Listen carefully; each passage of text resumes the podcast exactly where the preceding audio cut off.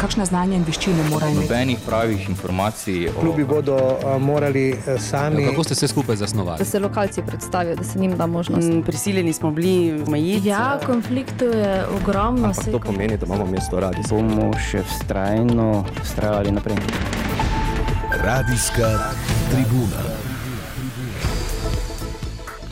Spoštovane in spoštovani, dober dan želim. Potem, ko smo bili dve leti v primežu koronske krize, je v zadnjih mesecih v spredju draginja in to na vsakem koraku. V današnji oddaji bomo skupaj s predstavniki Agencije za energijo in Zveze potrošnikov Slovenije naredili primerjavo cen elektrike, plina in prehranskih izdelkov na letni ravni. Govorili pa bomo tudi o napovedanih občutnejših podražitvah v jesenskem času in kaj lahko stori potrošnik, da bo umilil zgodovinsko draginjo. Vabljeni k poslušanju in sodelovanju. Radijska tribuna. Vaš voditelj je Dejan Rad. Kot že rečeno, praktično iz dneva v dan poročamo o podražitvah. Smo v času visoke inflacije in če se tako izrazim, z mesečnim zaslužkom si lahko privoščimo manj. A to še ni najhuje. Praktično vsi sporočajo, da bo vrhunec podražitev jeseni. Zaradi trenutnih razmer, primerjav, kako je bilo leto nazaj in seveda kaj nas še čaka, smo danes v goste povabili zanimive sogovornike, ki bodo svojega zornega kota pojasnili dejstva, obenem pa nanizali nekaj možnih prilagoditev za potrošnika. V studiu zdaj le pozdravljam direktorico Agencije za energijo, magistrico Duško Godina, dober dan želim. Lep pozdrav. Telefonsko pa smo povezani z vodjo odnosov z mediji pri Zvezi potrošnikov Slovenije, gospod Jasmino Bevc-Bahar. Dober dan tudi vam. Dobar dan. In še enim predstavnikom Zveze potrošnikov Slovenije, gospodom Boštjanom Okornom, ki je vodja testiranja in strokovnjak za tehnologijo pri Zvezi potrošnikov Slovenije. Dobar dan tudi vam. Dobar dan, lepo zdrav.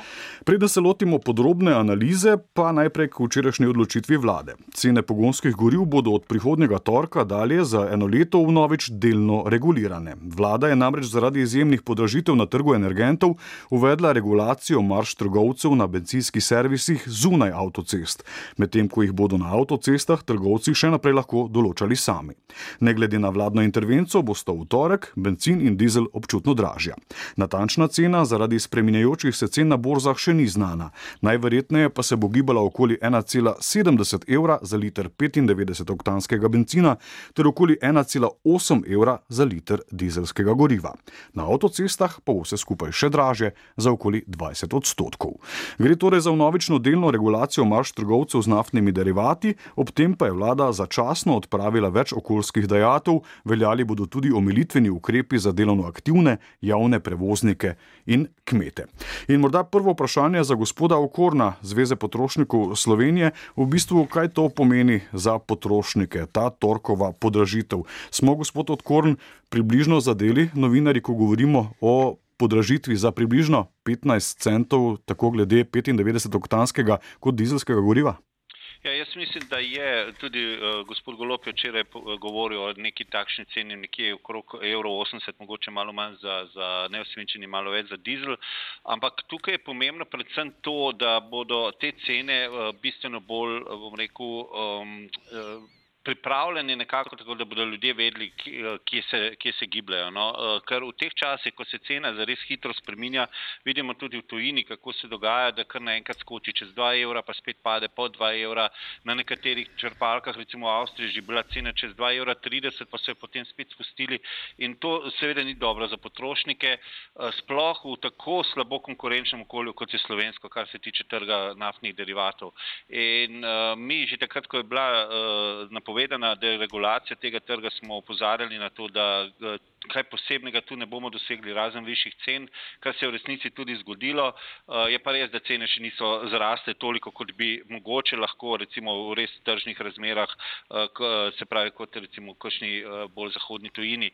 Ampak zdaj, ko je pa seveda kriza, se je pa to še toliko bolj razgalilo, da na ta način, se pravi, da bi trgovci kar sami določali cene, pač zadeve ne bodo šle pri nas, ker dejansko ni bilo neke konkurence konkurence med črpalkami. No. Uh, je pa res, da mi bi si pravzaprav želeli, da se uredi tudi tisti drugi del, se pravi neka alternativa javnemu prevozu, kajti prav grozljivo je videti, da 85 odstotkov vseh poti Slovenci upravimo z avtomobilov in le 3 odstotke z javnim prevozom. In to jaz mislim, da, se, da je to, to razmerje, ki je slabo za potrošnika, uh, ker dejansko živi dražje uh, in pa ima manj alternative, kot bi jo lahko imel, ker je pač javni prevoz slab. Tukaj si pač moramo naliti čistega vina in mislim, da je ena od nalog vlade, ki jo mora nekako uh, pogotniti v naslednjih mesecih, urediti tudi ta del, se pravi, da ne bo samo uh, urejala cen goriva in se uh, bomo potrošniki vedno znova zgražali, kako visoke so, ker pač so v svetu visoke, ampak da uredimo tudi javni prevoz in dejansko potem potrošniki imajo alternativo in si mogoče še lažje nekako predstavljajo stroške svoje mobilnosti. Torej, to je zdaj ena izmed možnosti, ne, kaj lahko stori potrošnik pri tako visokih cenah goriva, ne, da preprosto presedla na javni prevoz. Ja. Vprašanje še, zdaj le bomo takoj včeraj dejal, eh, premije primerljivi s cenami na Hrvaškem, pa cene bodo niže kot so v Avstriji in Italiji. Morda vprašanje za vas, če pogledamo, to bomo danes tudi govorili v tej vdaji, primerjava cen pogonskih goriv. Eh, Naprimer, morda od začetka koronske krize ali pa še bolje, če imate kakšno primerjavo eh, cen pogonskih goriv maj 2021, maj 2022.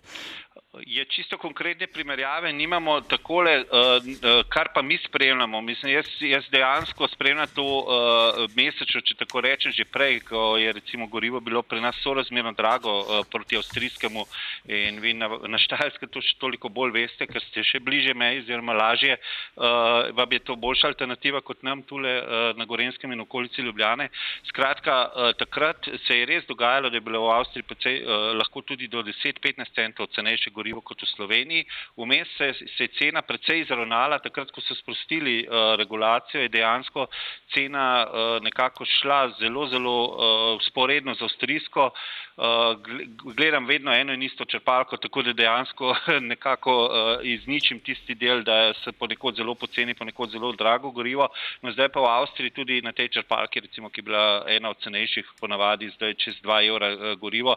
In tukaj jaz mislim, da je prišlo do enega velike eh, velike spremembe v tujini, eh, ki pa je mi seveda težko razložimo iz tega našega zornega kota. Skratka, vemo, kakšna je cena nafte, vemo tudi, da je evro nekako padel eh, proti dolarju, ampak kljub vsemu so cene goriva zdaj v Zahodnji Evropi vendarle više, kot bi pričakovali, glede na te, bom rekel, znane zunanje okoliščine. Se pravi, tukaj se kar precej stvari dela nekje v zadju, tukaj je precej enih špekulacij.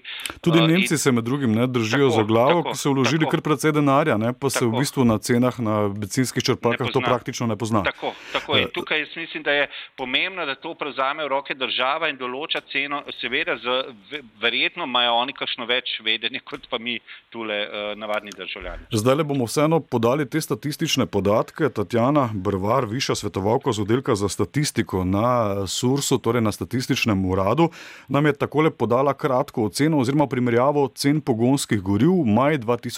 2021, maj 2022.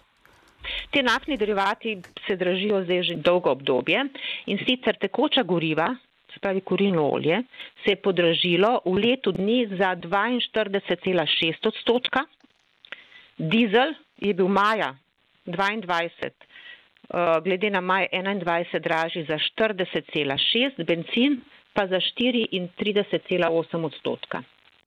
Tako je kar precejšna občutna podražitev, nova, kot smo rekli, sledi seveda v torek zaradi spremembe, ki jo je sprejela vlada. Zdaj pa se bomo malce podali tudi na trg eh, plina in elektrike, kot že rečeno, z nami tudi direktorica Agencije za energetiko, magistrica Duška Godina. E, vemo vsi. E, Potrošniki eh, spremljamo zadeve, morda ne tako, kot si bi vi želeli, ampak vendarle, kakšne so pa kaj primerjave na trgu električne energije in na trgu plina, če tako le pogledamo zadnje letno obdobje, ali pa mislim, da imate pripravljene podatke za juni-juni. Ja, tudi na področju električne energije in zemeljskega plina lahko nekako paralelo povežem z trgom pogonskih goriv, kot je bilo rečeno, tudi na, na trgu električne energije in zemeljskega plina beležimo visoke dvige. Začelo se je v lanskem letu na veleprodajnih trgih, veliko se je poročalo o tem, cene so začele divjati, dosegale rekordne vrednosti. Eh, razlogov za to je bilo sicer več, ampak že ko smo mislili, da se bo, oziroma ob koncu leta, ko smo pričakovali, da se bodo cene na veleprodajnih trgih vendarle začele malo malo umirjati in stabilizirati, je potem še prišlo do te vojne v Ukrajini, ki je. Ne vemo, ali neposredno ali posredno, ampak dejansko v tem obdobju so cene na veleprodajnih trgih ponovno začele naraščati. Eh, na maloprodajnih trgih se, torej danes naj še samo povdarim, da na veleprodajnih trgih, če primerjamo uh, lansko obdobje, torej januar 2021 pa uh, juni 2022, torej zdaj ta tekoči mesec, lahko govorimo o petkratnih vrednostih cen v primerjavi torej letos z uh, podobnim ali pa uh, januarskim obdobjem lanskega leta. Ne? Mislim, da tudi v tem obdobju lani juni lahko govorimo o petkratniku. Uh, Seveda se to še ni tako odrazilo na maloprodajnih uh, trgih. Proti koncu leta se je začelo najprej uh, uh, odražati to na področju skrbe z gospodinskih odjemalcev, na področju zemljskega plina, torej tam že nekje septembra so se začele dvigovati cene, medtem ko na področju električne energije, mogoče z mesec, dva zamikom, ampak počasi so se začele dogajati že torej dvigi ali pa tudi druge aktivnosti dobaviteljev, kot so izstop uh, določenih dobaviteljev iz trga ali pa prenehanje. Uh, torej odpovedi, masovne odpovedi pogodb določenim gospodinskim odjemalcem. Ampak, če primerjam uh, letošnji juni z lanskim junijem, lahko torej tudi na tem področju govorimo uh, od 40 odstotnega dviga pri posameznem dobavitelju do tudi 200-300 odstotnega dviga na področju tako električne energije kot zemljskega plina pri posameznem dobavitelju. Naj poudarim, da mi ne primerjamo sicer uh, in zbiramo podatkov na enak način, kot dela to statistični urad. Te podatke, ki sem vam jih jaz dala, lah, uh, ti podatki izhajajo iz primerjalnika ponudb, ki ga vodi Agencija za energijo in ga in v bistvu temelji na vhodnih podatkih posameznih dobaviteljev. Zato ne moremo popolnoma primerjati teh ponudb, ker so ponudbe različne. Uh, ampak nek ta povpreček cen dejansko govorimo o tem, da so posamezni dobavitelji, tudi ti, ki so danes najcenejši, glede na lansko leto, med 30 do 60 odstotkov že dvignili končne cene za gospodinske odjemalce. Torej, s 1. julijem se bo marsikaj seveda spremenilo. Uh, vse te podatke je treba spremljati torej na vaši spletni strani in narediti eh, primerjavo. O tem bomo še govorili zdaj le vam sem tako le prosil, prisluhnimo izjavi direktora Elesa Aleksandra Mervarja, ki med drugim napoveduje, da še ni konec podražitev, da nas najhuje šele čaka. Cene bojo v enem prehodnem obdobju šle blazno gor, dva do trikrat, Tako le dva do trikrat bodo šle cene gor, 550 odstotkov ali pa 500 odstotkov pravijo ne? gospodarski odjemalci, da so više cene, čutimo jih tudi seveda v gospodinstvih. In eh, pojasnil je gospod Mervar tudi težavo, s katero se Slovenija ubada, vsaj kar se tiče hidroelektrarn v tekočem letu. Ja, mislite, verjetno. Bomo poslušali zdaj le še izjavo, samo trenutek. V prvih petih mesecih letošnjega leta je bila proizvodna elektrike, predvsem iz hidroelektrarn, na zgodovinsko najnižjem nivoju. In recimo problem bi bil, če bi naprimer pr prišli do prekinitve dobave uh, ruskega zemljskega plina uh, ali pa recimo en velik brez veterje in bom rekel omejene možnosti uvoza električne energije iz drugih držav. Napovedi so zaskrbljujoče. Vemo, v danem trenutku ste sami dejali, da e, spremljamo podražitve v tem trenutku tako plina kot električne energije. Jesenske napovedi so še bolj črnoglede, kar nas seveda ne navdaja z upanjem. E, morda vprašanje, ki je pomembno, pa se. Ga sprašuje marsikdo v Sloveniji, kako so samo skrbni smo v Sloveniji, vse kar se tiče elektrike v normalnih razmerah, da je vodostaj normalen.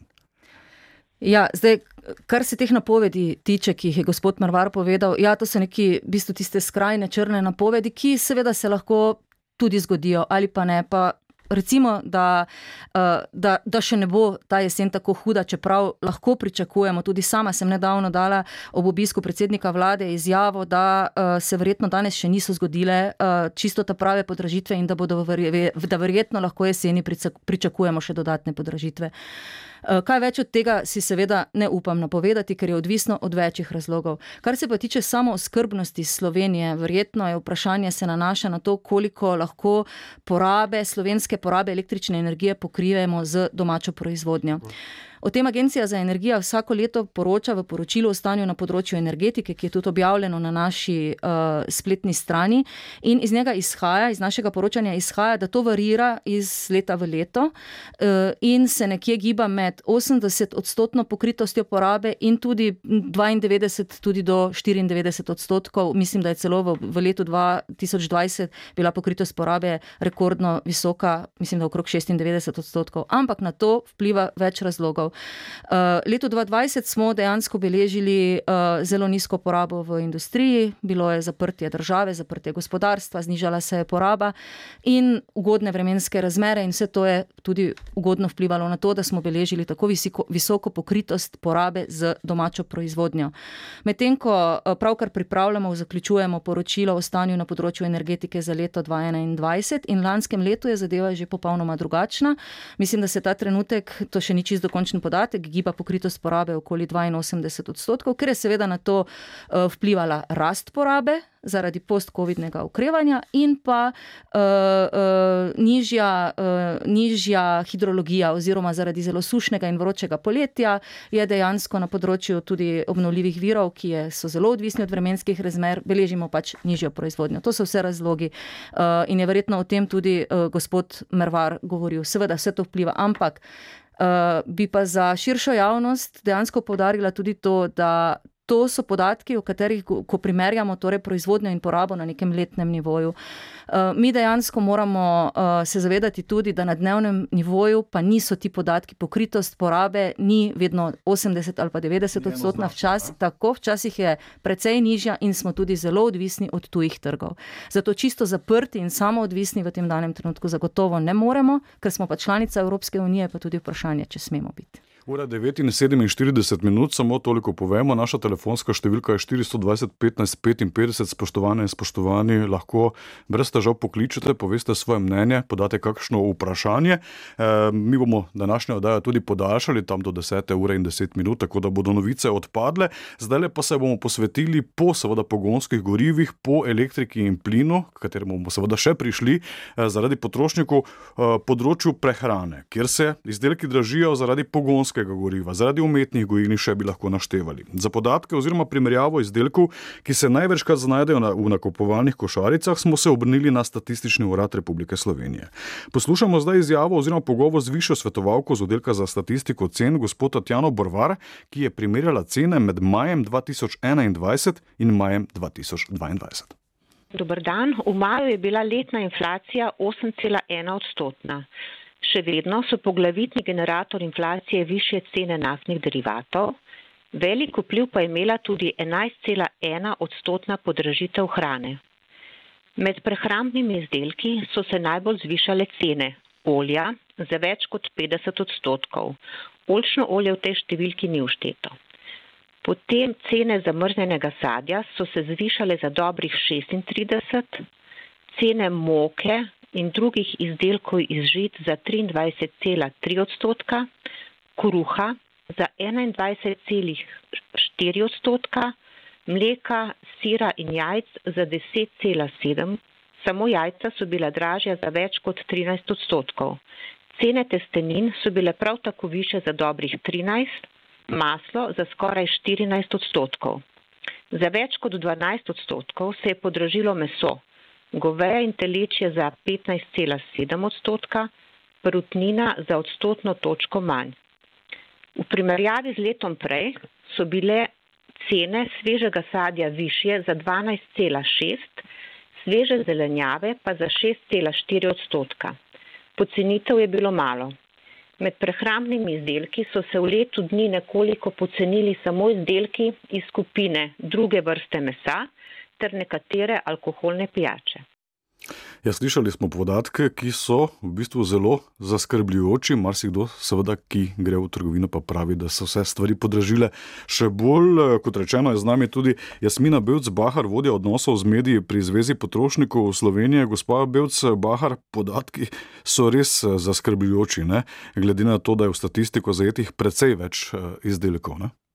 Zagotovo. Um, vsekakor je zdaj čas, um, oziroma ni čas za slepo zvestobo enemu ponudniku znamki, ampak enostavno moramo potrošniki primerjati cene in ukrepati, če ugotovimo, da obstajajo ustrezne, a bolj ugodne alternative. Um, res, tukaj je zdaj trenutek, ko se moramo vprašati, ali se zvestoba splača ali plača. Um, tudi morda se nam zdi, da je razlika nekaj centov ali deset centov pri nekem izdelku mehna, ampak če ta izdelek, cena, strošek, ki ga namenimo za neki izdelek, primerjamo na letni ravni, ugotovimo, da te razlike narastejo na več deset oziroma celo na 100 evrov. Morda, če primerjamo, no, naprimer, lonček jogurta, lahko stane 23 centov ali 53 centov. In če, dan, in če vsak dan zaužijemo en sam lonček jogurta, to pomeni na letni ravni prihranek več kot 100 evrov. Ob tem, da pravzaprav naši testi kakovosti dokazujejo, da niti cena, niti trgovska ali blagovna znamka nista merilo za kakovosti. To se mi zdi posebej pomembno v tem trenutku, ko smo res še bolj občutljivi, koliko namenimo za neki izdelek. In uh, v preteklem mesecu smo naredili analizo um, ocen kakovosti izdelkov, ki smo jih testirali v preteklih petih letih. In izkazalo se je, da izdelki trgovskih znam so bili zaradi dobrega razmerja med kakovostjo in ceno večkrat boljše izbire kot izdelki blagovnih znamk. Sigurno je to neki indikator za potrošnike, da pogledajo, kaj pogosto konča v njihovi nakupovalni košarici. Da pogledajo, ali obstaja cenovna, cenovno bolj ugodna alternativa, ki pa ni slabše kakovosti. Um, tudi sicer je smiselno, da potrošniki, ko se odpravijo v trgovino, primerjajo cene izdelkov na enoto. Torej, izdelki niso enake teže oziroma uh, prostornine, Torej, um, samo primerjav na podlagi cene nekega zavojčka paketa ni tista, ki nam bo vodilo pri nakupu. Primerjati moramo na neko skupno enoto, bodi si na kilogram oziroma na en liter, ki je tudi napisana na um, cenovki v, tr v trgovini in tako lahko izberemo izdelek, ki dejansko je bolj ugoden. Toliko vas bom zmotil, ja. gospod, če se upravičujem, gospod Belc Bahar. Eh, tudi potrošniki nas opozarjajo, da nekateri trgovci sicer ne dražijo izdelkov, ampak so ti količinsko lažji, manjši. To je, bomo rekli, eh, trgovski način, ampak dejansko gre v tem primeru tudi za podražitev. Vsekakor, ker enostavno izdelek, če pogledamo potem ceno na kilogram, je ta cena višja. Um, vsekakor um, zahteva. Um, situacija zahteva potrošnika, da je aktiven, da enostavno uh, ne kupuje slepo, ampak enostavno primerja. Vemo, da je to zamudno, da je za marsikoga to obremenilno, vendar, če želimo imeti svoje finance pod nadzorom, če vemo, koliko imamo kje manevrskega prostora, uh, enostavno moramo preveriti stroške, ki jih imamo, primerjamo izdatke in najdemo tiste uh, možnosti, tiste primere, kjer lahko še prihranimo, vendar ne na račun kakovosti. Kot rečeno, naši uh, testi dokazujejo, da cena ni merilo kakovosti, ne vedno. Tako vas bom še vprašal, imamo, imate morda podatek, koliko slovenska gospodinstva v povprečju porabijo za te prehranske izdelke? Um, žal tega podatka nimamo. Uh, bi pa tukaj morda dala še en nasvet potrošnikom, ko se uh, odpravijo v trgovino po nakupih živil. Ne. Torej, uh, enostavno ne kupujejo preudarno in načrtno. Ne se odpravijo v trgovino z nakupovalnim seznamom. To je naj, najmeč najboljša obramba pred impulzivnimi nakupi. Uh, predtem in ta seznam pravzaprav odraža, kaj imamo doma, kaj imamo doma na zalogi, ta seznam odraža pravzaprav nek plan obrokov, ki jih bomo pripravili v prihodnem tednu. In ta um, plan pravzaprav nam diktira, pravzaprav, koliko bomo namenili za nek nakup v trgovini. In s tem, ko bomo načrtovali, uh, bomo pravzaprav ugotovili, koliko namenimo za določene izdelke, um, morda našli bolj ugodno alternativo, predvsem pa bomo imeli svoje finance pod nadzorom. Zdaj, Ja, ja kar izvolite, kar izvolite. To se mi zdi v tem trenutku res ključno, no, da enostavno, da imamo, da vemo, kaj in koliko namenimo uh, na podlagi svojih zaslužkov, kam naš denar dejansko gre. Radijska tribuna, prejeli smo prvi klic, poslušalec oziroma poslušalka je z nami. Dobro dan želim. Lahko samo prosim, če utišate, kar takoj na začetku radijski sprejemnik. Dobro dan, kdo je z nami? Halo? Ja, dobro dan, izvolite. Ja, dobro dan želim, Ila na tej strani. Povejte, gospa. Glejte, jaz sem kupila v trgovini pred 14 dnevi olje, ki je bilo cena 2,29 evra. Včeraj sem šla ponovno po olje, je bilo 2,99 evra. Koliko procentov je to? Mislim. Ja, pri olju takole sem pogledal, ne? v letu ja. dni naj bi se cena podražila za več kot 50 odstotkov. Ampak to so mi tudi pojasnili na statističnem uradu, da to ne gre za eno olje, eno vrsto olja, ampak gre za celo ja. paleto. Ne? In v tem primeru v bistvu je odstotek ja. nižji. Ampak to pomeni, da so se lahko določena olja pa podražila za več kot 50 odstotkov. To pa zagotovo. Ja, ja. ja. ja, ja. ja. pokojnine pa za štiri. Ne? Ja. Ne? Ja. Mislim. A ni to smešno? Pokojnine za 4%, vse ostalo pa za 20, 30, 40, 50.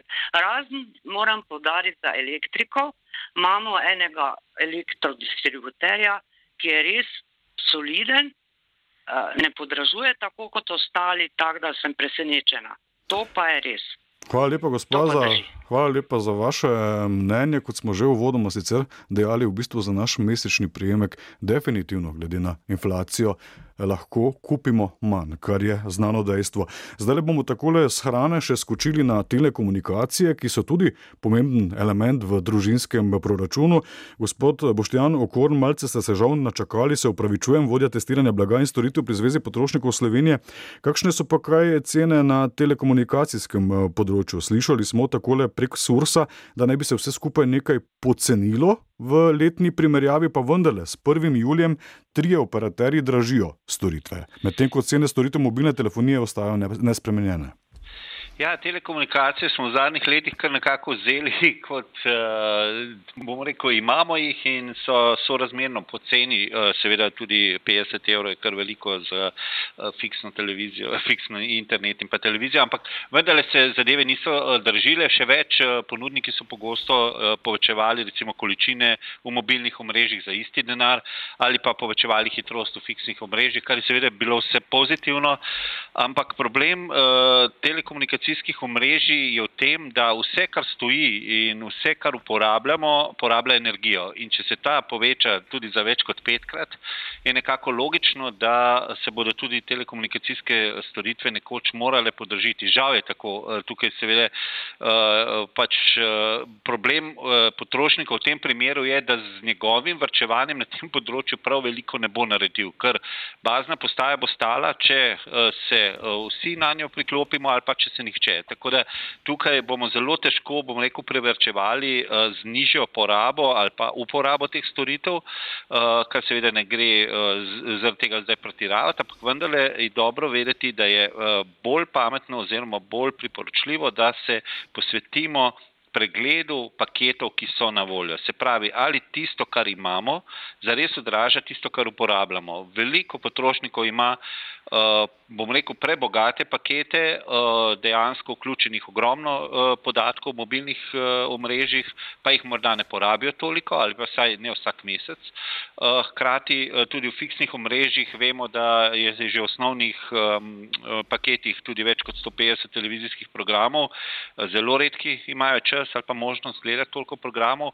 Skratka, mogoče je zdaj čas, dokler se zadeve res ne zaostrijo in so podržitve večje od evra ali dve dveh, kot eh, slišimo zdaj, da bodo julija, da dejansko preverimo naš paket, preverimo, kaj iz tega potrebujemo, kaj rabimo in naročimo samo to, oziroma znižamo, bom rekel, nabor storitev, eh, kajti le na ta način lahko nekaj privrčujemo. Zdaj, telekomunikacijski operaterji so v tem času eh, kar nekako, bom rekel, poenotili, če tako rečem, cene. Se pravi, ne glede na to, kakšno hitrost imamo doma, ali je to največja, ali je pač takšna, kot jo mreže omogoča, recimo govorimo vem, o 50 megabitih na sekundo ali pa o 1 gigabitu na sekundo, zelo pogosto je to kar ista cena.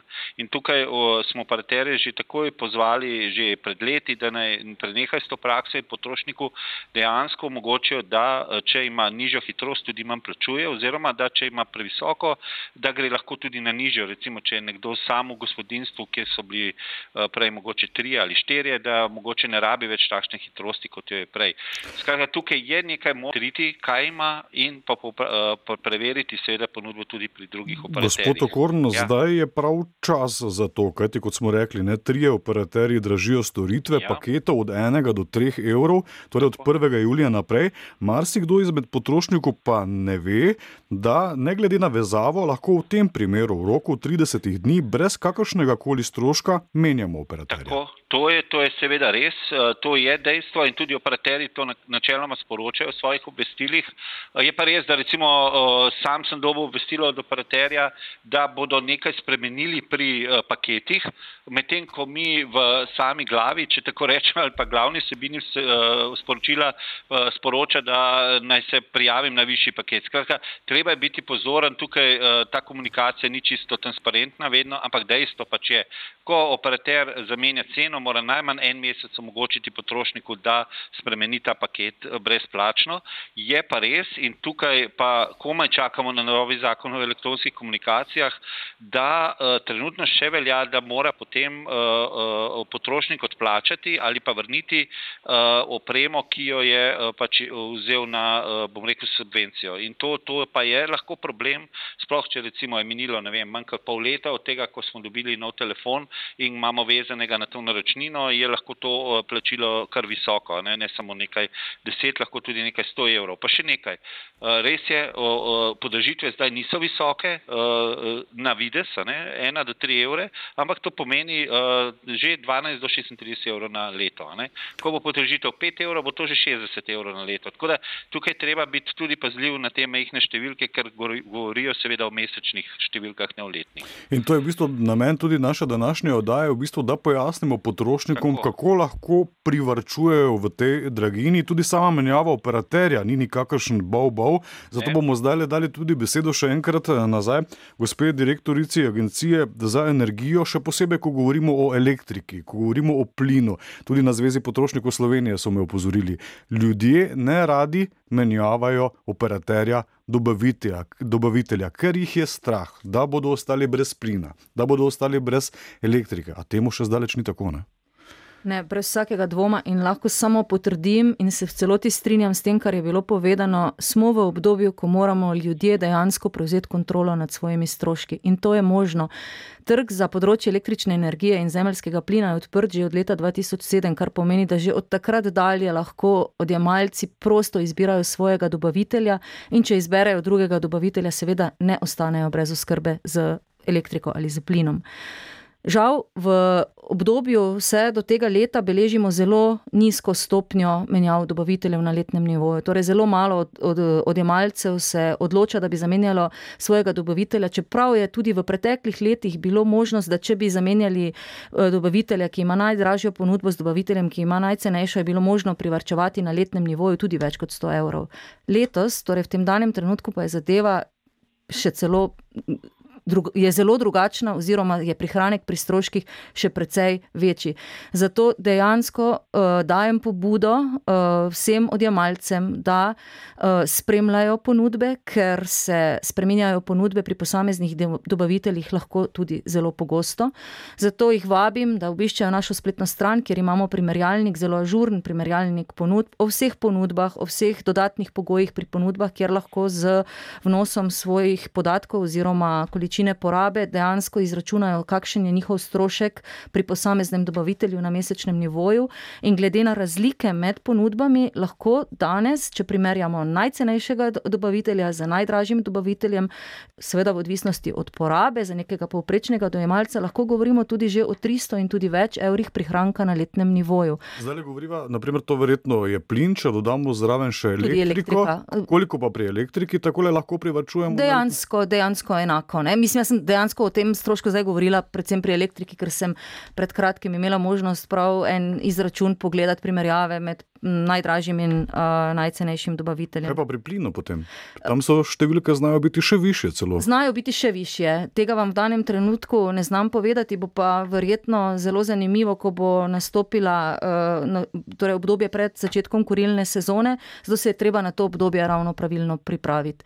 Je pa treba seveda pogledati, uh, uh, se pozanimati torej o vseh pogojih v ponudbi, dobro prebrati. Gospa iz uh, področja varstva potrošnikov je omenila, da cena in da je treba primerjati ceno in kvaliteto. Vi ste omenili tudi količino. Na področju elektrike in plina je pa predvsem treba pogledati splošne pogoje dobave, eh, pogoje vezave, morebitne pogodbene kazni in tako dalje in se temu primerno odločati. Drugače pa je uh, trg in pravila za delovanje trga so tako organizirana, da je menjava dobavitelja mogoče izvesti tudi vsak mesec. Menjava dobavitelja je hiter postopek, preprost postopek, preprost zakaj, ker ga po pooblastilu lahko za odjemalca izvede tudi njegov novo izbran dobavitelj. Zgodi se znotraj enega mesta, seveda, meseca, seveda, če je vloga popolna, tudi pravočasno oddana in tako dalje. Tako da te zadeve tečejo in odjemalci s svojo aktivnostjo lahko brez zaenkrat zniževanja porabe že pomembno vplivajo na svoj končni strošek pri oskrbi tako elektrike kot plina.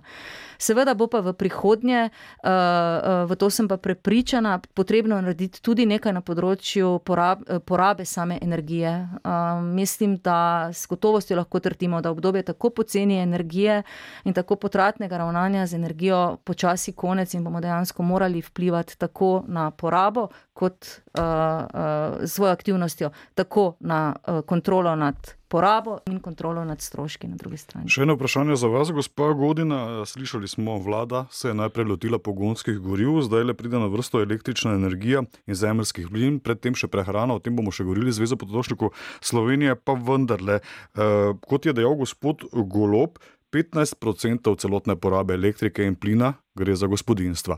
Tukaj naj ne bi čutili teh visokih cen, tu bo država, vsaj z določenimi zakonskimi akti, vendarle regulirala ceno. Tako se danes da slišati. Eh, v tem danem trenutku, seveda, še nimamo nobenih uh, natančnih informacij, na kakšen način se bo regulirala ta cena. Določene tudi um, zakonodajne omejitve na tem področju obstajajo, ampak uh, verjamem, da glede na to, kar je bilo do sedaj povedanega v javnosti, da se bodo tega lotili modro in uh, iz nabora ukrepov, ki jih je predstavila, možnih ukrepov, ki jih je za zniževanje stroškov predstavila tudi Evropska komisija, črpa črpali te ukrepe. In kolikor je danes videti, se bo verjetno uh, začelo z zniževanjem na področju ali torej, trošarin ali prispevkov za obnovljive vire energije, učinkovito rabe energije in tako dalje. Uh, tako da, uh, če bo uh, na tem področju se spremalo torej pravočasno in te ustrezne rešitve, potem se da na gospodinskem odjemu seveda marsikaj narediti. Zdaj še vprašanje za gospoda Smino Belc, Bahar, torej vodni odnosov z mediji pri Zvezi potrošnikov potrošnikov Slovenije. Naslednja, tako le bomo rekli, skupina so seveda prehranski izdelki, s katerimi se bo ukvarjala vlada. E, tako je dejal gospod premijer Robert Golop, da si želijo prikazati potem cen osnovne košarice živil pri ponudnikih, da bi bilo vidno, kje so marže najvišje. Je to pomemben korak k transparentnosti?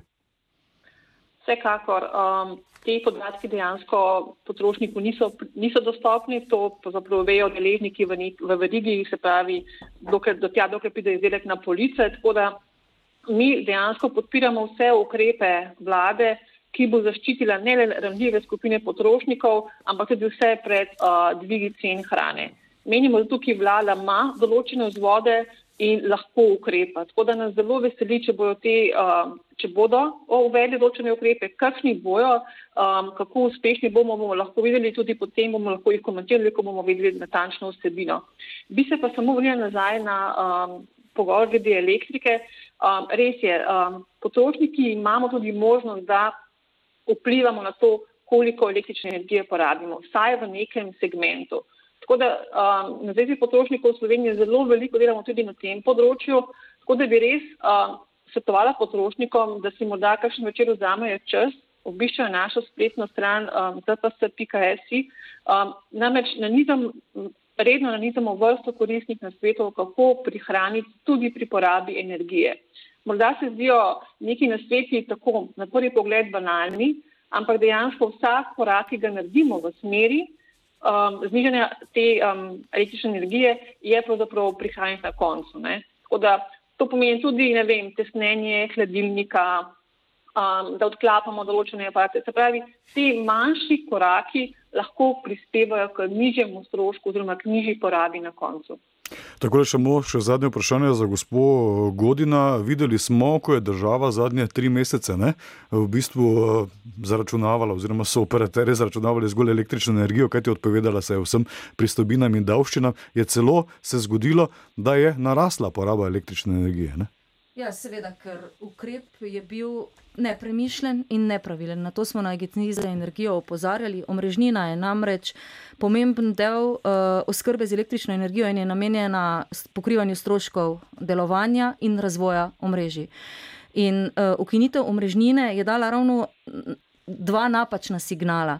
Prvi je bil ta signal, da lahko z energijo delamo karkoli želimo in je torej v popolnem nasprotju s tem, kar danes svetujemo in kar je torej tudi z vidika trajnostne oskrbe uh, pravilno, ne samo cenovne, tudi trajnostne oskrbe. Uh, drug signal, ki je bil tudi nepravilen, pa je to, da pač enostavno je omrežnina nekaj, česar, čemur se lahko odpovemo in česar ne potrebujemo, pa je ravno nasprotno.